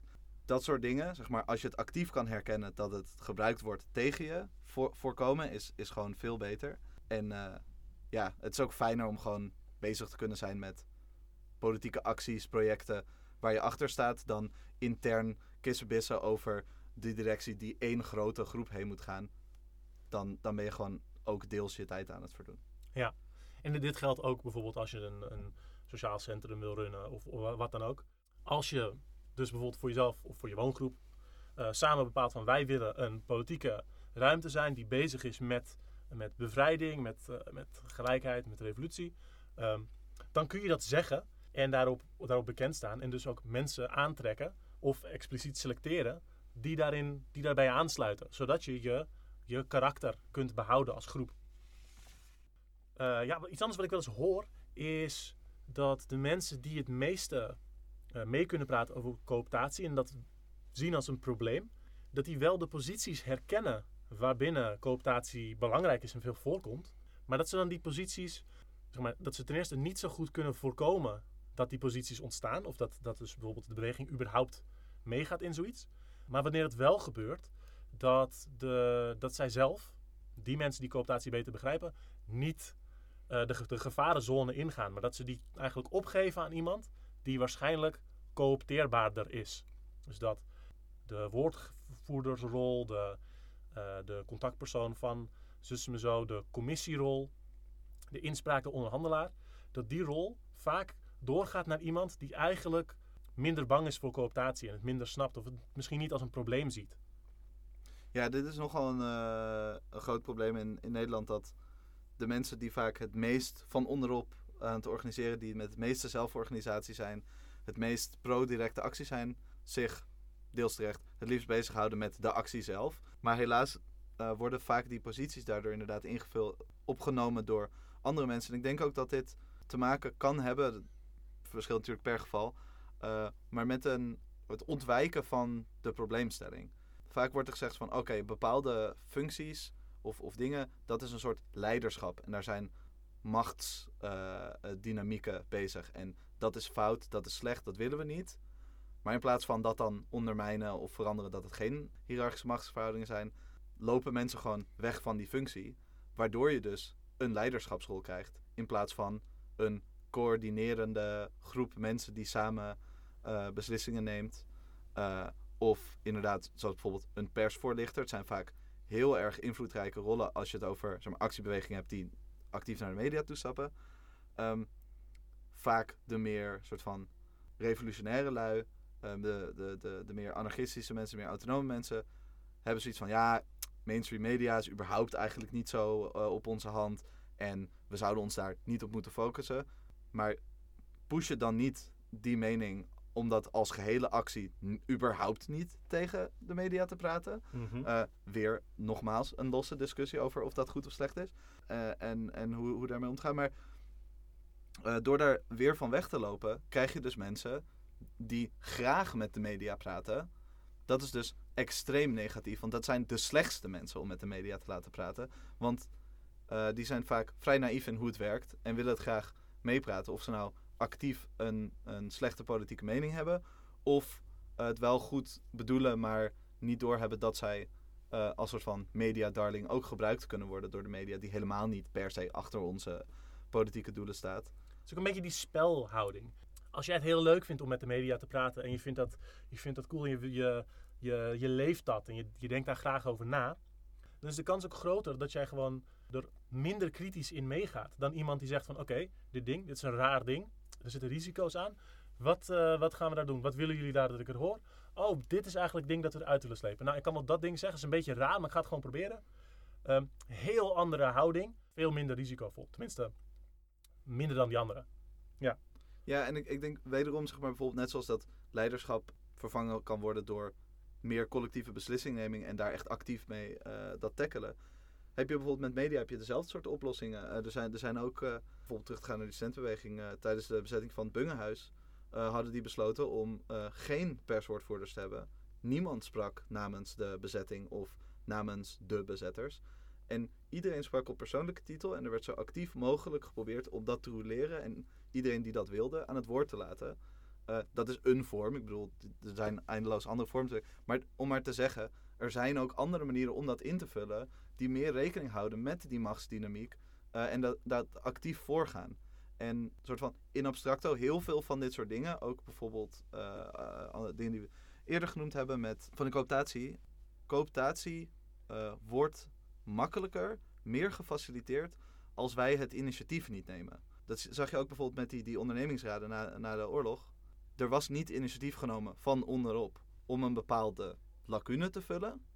Dan wordt dat van bovenaf gedaan en dan ga je altijd het onderspit delven. Het is hm. hetzelfde. Als jij niet al een mediastrategie hebt bedacht, wat het ook is, of het nou is iedereen praat ermee, niemand praat ermee, wel een, toch een perswoordvoerder, uh, ik ga het sterk af, maar whatever. Dan wordt het voor je ingevuld en dan wordt het dus ingevuld op de manier hoe het systeem het altijd doet. En dan gaat het dus zeg maar, voor het systeem werken. En ja, dat is, is, iets wat voor heel veel dingen werkt, maar voor cooptatie specifiek is dat echt een, uh, echt een uh, groot probleem. Ja, ja, ja. een ander punt. Bouw onafhankelijke kracht. doe projecten waarbij je helemaal niet iets vraagt van iemand. Ik denk dat we vaak sowieso een soort van iets een te activistische houding hebben en te veel het idee hebben van oh, we gaan druk zetten op het parlement om dit of dat te bereiken. Um, want dan, dan ben je ook al een vraag aan het stellen. Dan moeten zij, dan hebben zij de macht om jou iets te geven of niet. Maar het, het, het omgekeerde is eigenlijk veel, veel fijner. Als, jij, uh, als je projecten doet waarvan het doel eigenlijk het project zelf al is. Dus komen, wat wil je dan doen met deze, met deze uh, zeer verstorende pleinpicknicks? Nou, wat wij heel graag willen, is samen zijn op dit plein. En dit als onze publieke ruimte hebben. En daar politieke uh, dingen mee doen. En onze ideologie uitdragen. Dus, oh, maar dat ben je al aan het doen. Ja, wat doe ik hier dan? Ja, geen idee. Doeg. Dit is overigens, als je dit ooit gaat doen, het vetste moment dat je hebt in wat, waarvan je vijand dan denkt dat het onderhandelingen zijn. Uh, is ook gebeurd bij de, de, de kraak van het Spinhuis uh, in 2014.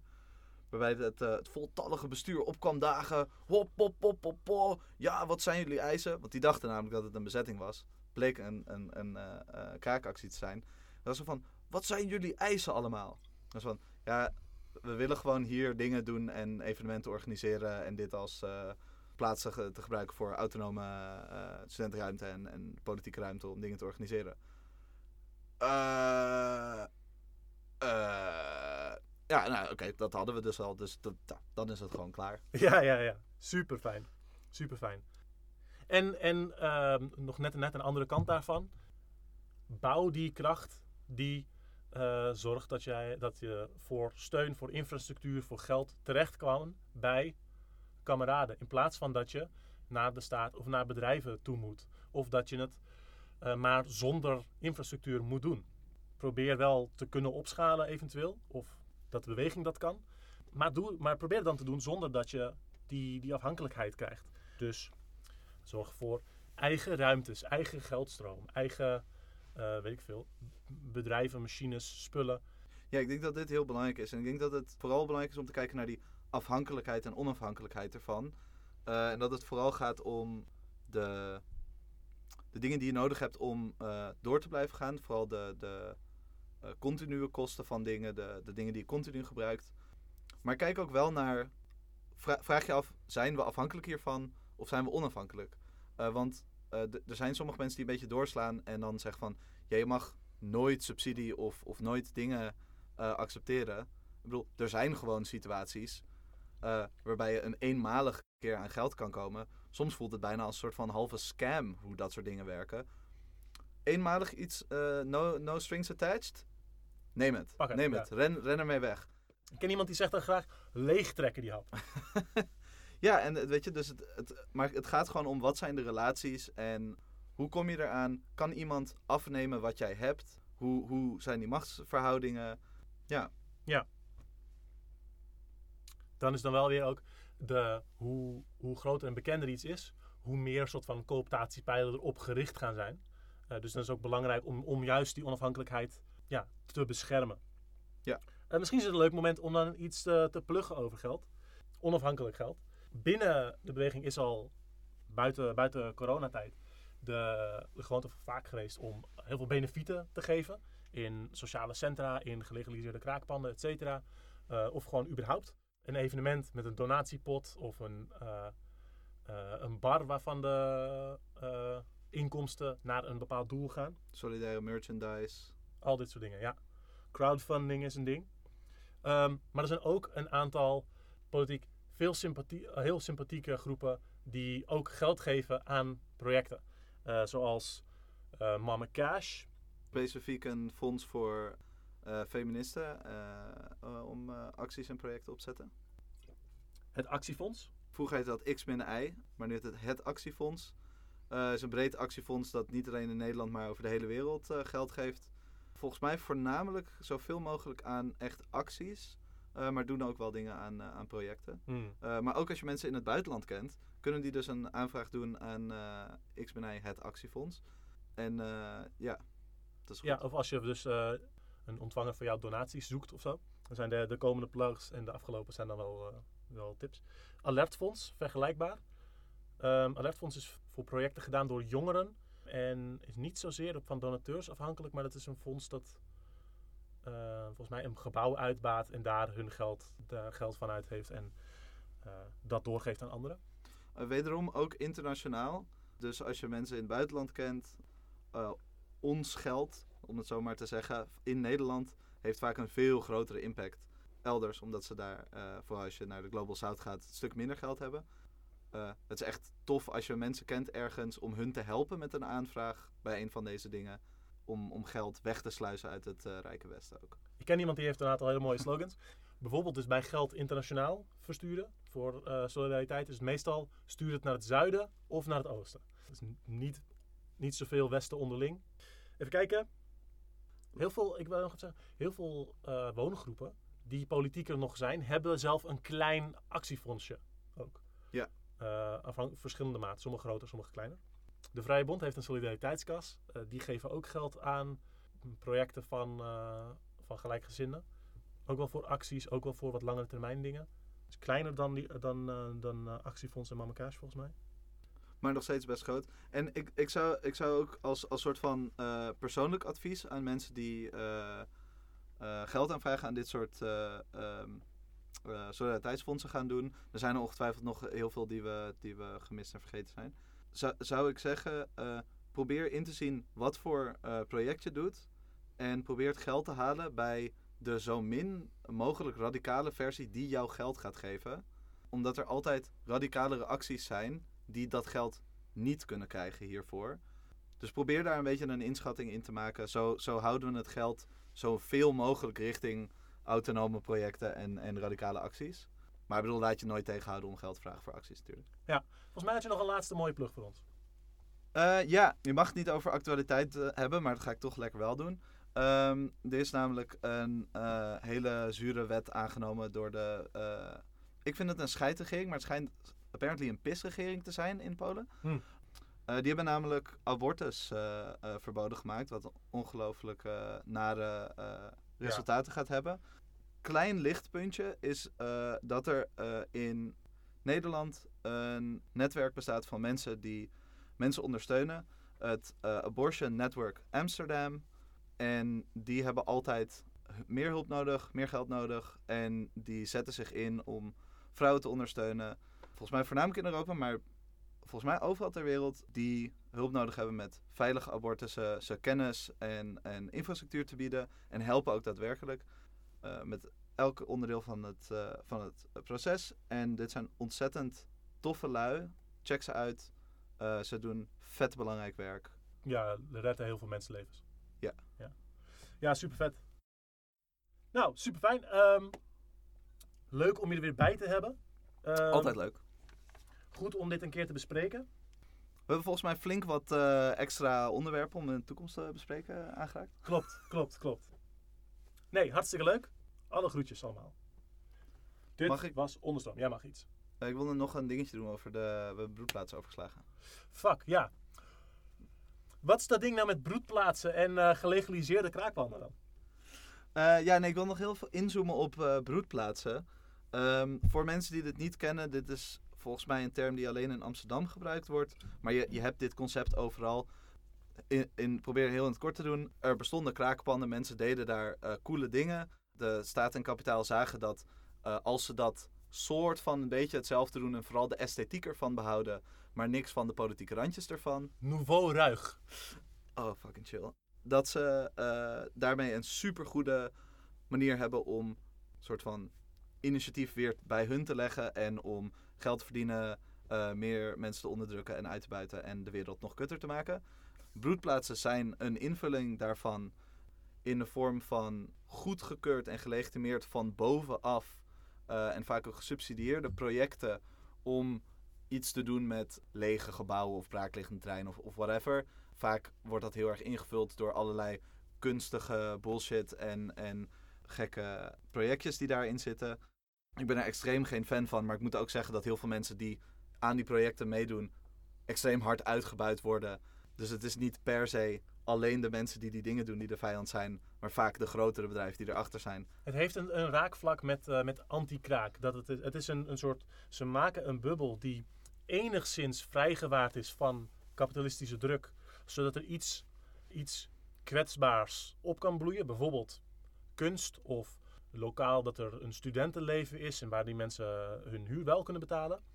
Um, opdat het grotere uh, systeem eromheen er nog veel meer geld uit kan slaan zodra het uitgegroeid is.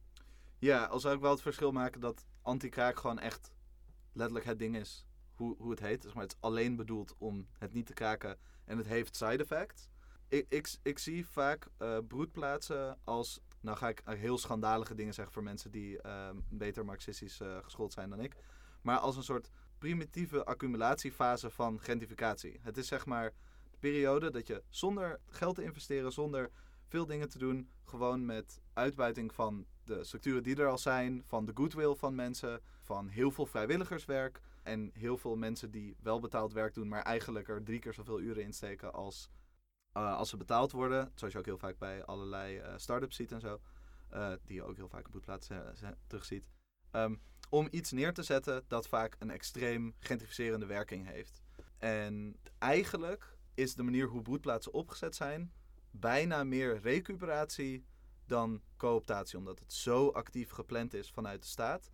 Waren het niet dat dit beleid gepusht is door allemaal mensen die eerst uh, deel van de kraakbeweging waren of er tegen aanschuurden of als kunstenaar er wel een keer kwamen en uh, een wc gebruikt hebben daar. Zeg maar, ja, ja, ja. Um, en, en, en, dat, die mensen hebben dat gepusht. Dus zeg maar, het is een, een combinatie van beide. Nu is het in Amsterdam een vrij actief beleid. Je zult het in de meeste steden die een groot gentrificatieprobleem hebben, zul je dit terugzien. Het is, het is uh, misschien interessant om een, ja, een klein, klein voor, voorbeeld uit, uit te lichten van hoe je dit tegen kan gaan. Want zal ik eerst even dat verschil iets... Ja, sorry. Je hebt kraakpanden. wanneer die gelegaliseerd worden, zit daar vaak heel veel cooptatie in. Dus dat betekent iets dat strijdbaar was, wordt minder strijdbaar. Ze krijgen iets van een, een papier, een vergunning of toestemming om daar te blijven. Maar er zitten dan vaak haken en ogen aan. Of ze proberen er na een tijdje minder politieke mensen in te krijgen. Ze proberen de meest politiek uitschietende projecten uh, gecanceld te laten krijgen. Of wat dan ook. Dat is cooptatie. Die ruimtes bestaan al en die, ze proberen die te co-opteren. Recuperatie. Bloedplaatsen lijken dan meer op recuperatie. Omdat het is, wij gaan iets maken dat lijkt op een gelegaliseerd kraakpand. Um, maar we maken dat zelf met compleet onze eigen uh, plannen. En, um, en dat gaat precies doen wat wij willen dat het doet. En dus broedplaatsen in Amsterdam, waar het het meest voorkomt, die zitten daar een beetje tussenin. Omdat de broedplaatsen eigenlijk heel erg dat recuperatiemodel volgen. Maar wel mensen trekken vanuit gelegaliseerde kraakpanden of überhaupt kraakpanden. Ja. Um, en dus hen, hen coopteren door ze broedplaatsen in te trekken. Ja, om, om een paar uh, voorbeelden te geven van hoe, hoe nare projecten dit kunnen zijn. Uh, is bijvoorbeeld een, uh, een broedplaats in Nieuw-West. Um, waar heel veel Marokkaanse en Turkse mensen wonen. En daar was een, een buurt waar dat, dat vrij hard geïnteresseerd werd. En de, de nieuwe witte juppenbewoners vonden het allemaal wel heel erg vervelend dat er hangjeugd op straat was specifiek de niet-witte hangjeugd vonden zij dan uh, nog vervelender om er schep bovenop te doen. En, Intimiderend is wel heel raar. Zo'n gek ding dat ze dat opeens eng vonden. En toen is daar een, een broedplaats neerge neergezet. In, de, in, in, deze context die al bestond. Die zijn praten met mensen uit de buurt. Voor, voornamelijk met de, de witte juppen die daar wonen. Ook heel gek. Heel uh, onverwachts. En die hebben toen een soort oplossing zoals ze dat wilden noemen, bedacht. Waarbij uh, ze zeiden van, oh ja, maar al die hangjongeren, die kunnen gewoon dingen doen in onze broedplaats. Die mogen daar naartoe komen en, en zeg maar hier naar onze evenementen gaan. Um, vervolgens hebben ze die jongeren geen inspraak gegeven in het programma. Zij mochten daar zelf niks organiseren, niet zeggen wat ze leuk vonden, maar gewoon naar allemaal totaal bizarre kunstprojecten gaan waar zij fucking niks mee hadden. Dus die gingen niet, want ze vonden het niet leuk. Vet obvious. Uh, toen is dit vervolgens wel gebruikt door de politie om harder op te treden tegen mensen die in de buurt uh, buiten aan het hangen waren. Omdat ze konden zeggen, ja maar ze kunnen toch naar die broedplaats gaan. Er is toch een jongerencentrum nu? Dat soort dingen. Het is echt super fucked up. Dus ook een, een ander voorbeeld, een andere buurt in, uh, in Nieuw-West. Die al best wel vergaand gegentrificeerd werd. En maar de, de, mensen die er eerst wonen, die dus een stuk lager inkomen hadden dan de mensen door ze vervangen werden in grote aantallen aan het wegverhuizen waren. Vaak ook helemaal de stad uit. En toen is daar in een broedplaats een initiatief begonnen van allerlei, zeg maar, soort van kunstenaar, broedplaatstype mensen. Om gratis en, en vrijwillig een verhuisservice op te zetten. Omdat daar toevallig zoveel vraag naar is. Nou is het natuurlijk heel fijn voor mensen als ze gratis verhuishulp krijgen. En dat is heel chill voor die mensen. Maar het is extreem cru hoe, hoe dit, uh, de, motor van de gentrificatie die mensen actief wegpusht, dan vervolgens een kleine hulp biedt in het uh, weggaan. Het, is echt. En, en dit is ook hoe um, onreflectief dit soort projecten vaak zijn. Ja, er zijn eindeloos veel meer van dit soort voorbeelden. Um, ik wil nog één voorbeeld geven uh, waarin er um, actief iets tegen gedaan wordt wel interessant is in het hele ding van wat kan je tegen cooptatie doen. Uh, namelijk een van de bekendste broedplaatsorganisaties in Amsterdam en een van mijn persoonlijk meest gehate Urban Resort. opgezet door allemaal mensen die zichzelf ex-krakers noemen, maar het maakt mij niets uit of je ooit in een kraakband bent geweest in de jaren 80 als je nu niks doet voor de kraakbeweging. Die hebben geprobeerd wat is het, één, twee jaar geleden, om een kraakpand in Amsterdam actief te ontruimen. Zodat ze het konden vervangen met een broedplaats. Zij dat geld nodig? Ja, zij, zij, moeten allemaal leuke dingen doen. Uh, godverdomme, de, daar wonen gewoon maar een paar mensen. En uh, ja, die kunnen gewoon ook op straat uh, staan. En het, het ding van broedplaatsen, en voornamelijk Urban Resort, is dat het enorm steunt op de goodwill van mensen. En in het geval van Urban Resort, heel veel mensen uit de kraakbeweging of ex-krakers en zo. Mensen die dus heel andere idealen voorstaan dan waar een broedplaats als Urban Resort mee bezig is. Maar die wel, omdat ze mensen persoonlijk kennen en een bepaald soort van, ik zou het zeggen, naïeve goodwill hebben, maar uh, hoe je het ook invult, zeg maar, denken, oh, dit is soort van iets goeds waar ik aan kan bijdragen. Want het zijn niet hele grote bedrijven of het is niet Shell of McDonald's of zo. Dus dan zal het wel goed zijn. Maar toen die hoorden wat Urban Resort ging doen, hebben zij enorm veel uh, shit daarvoor gekregen. Hebben mensen hun handen ervan afgetrokken. En gedreigd dat ze niet meer wilden helpen met, uh, met de projecten van Urban Resort. Waardoor Urban Resort zich toen heeft teruggetrokken. En het pand niet heeft laten ontruimen. En, en daar, daar niet op door heeft gegaan.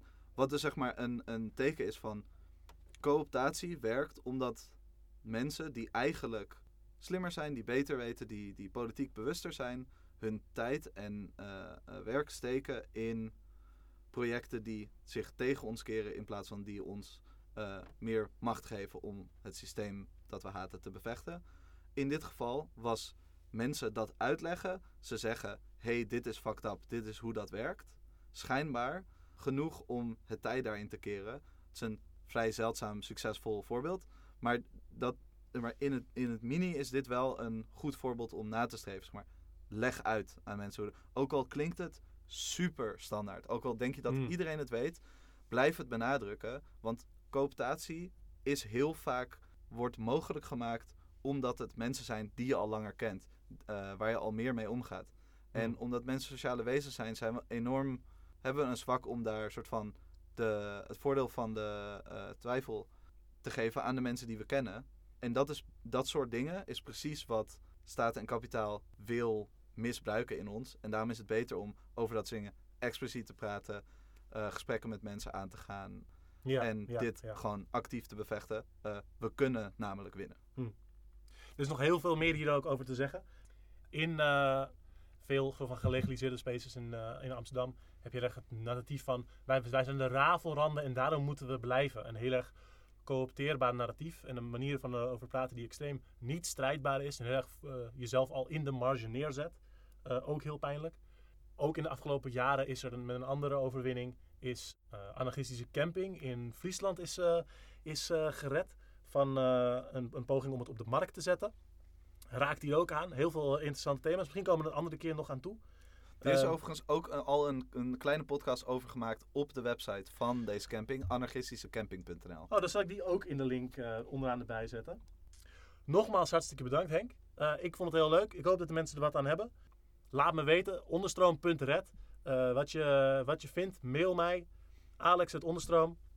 Samen redden we het.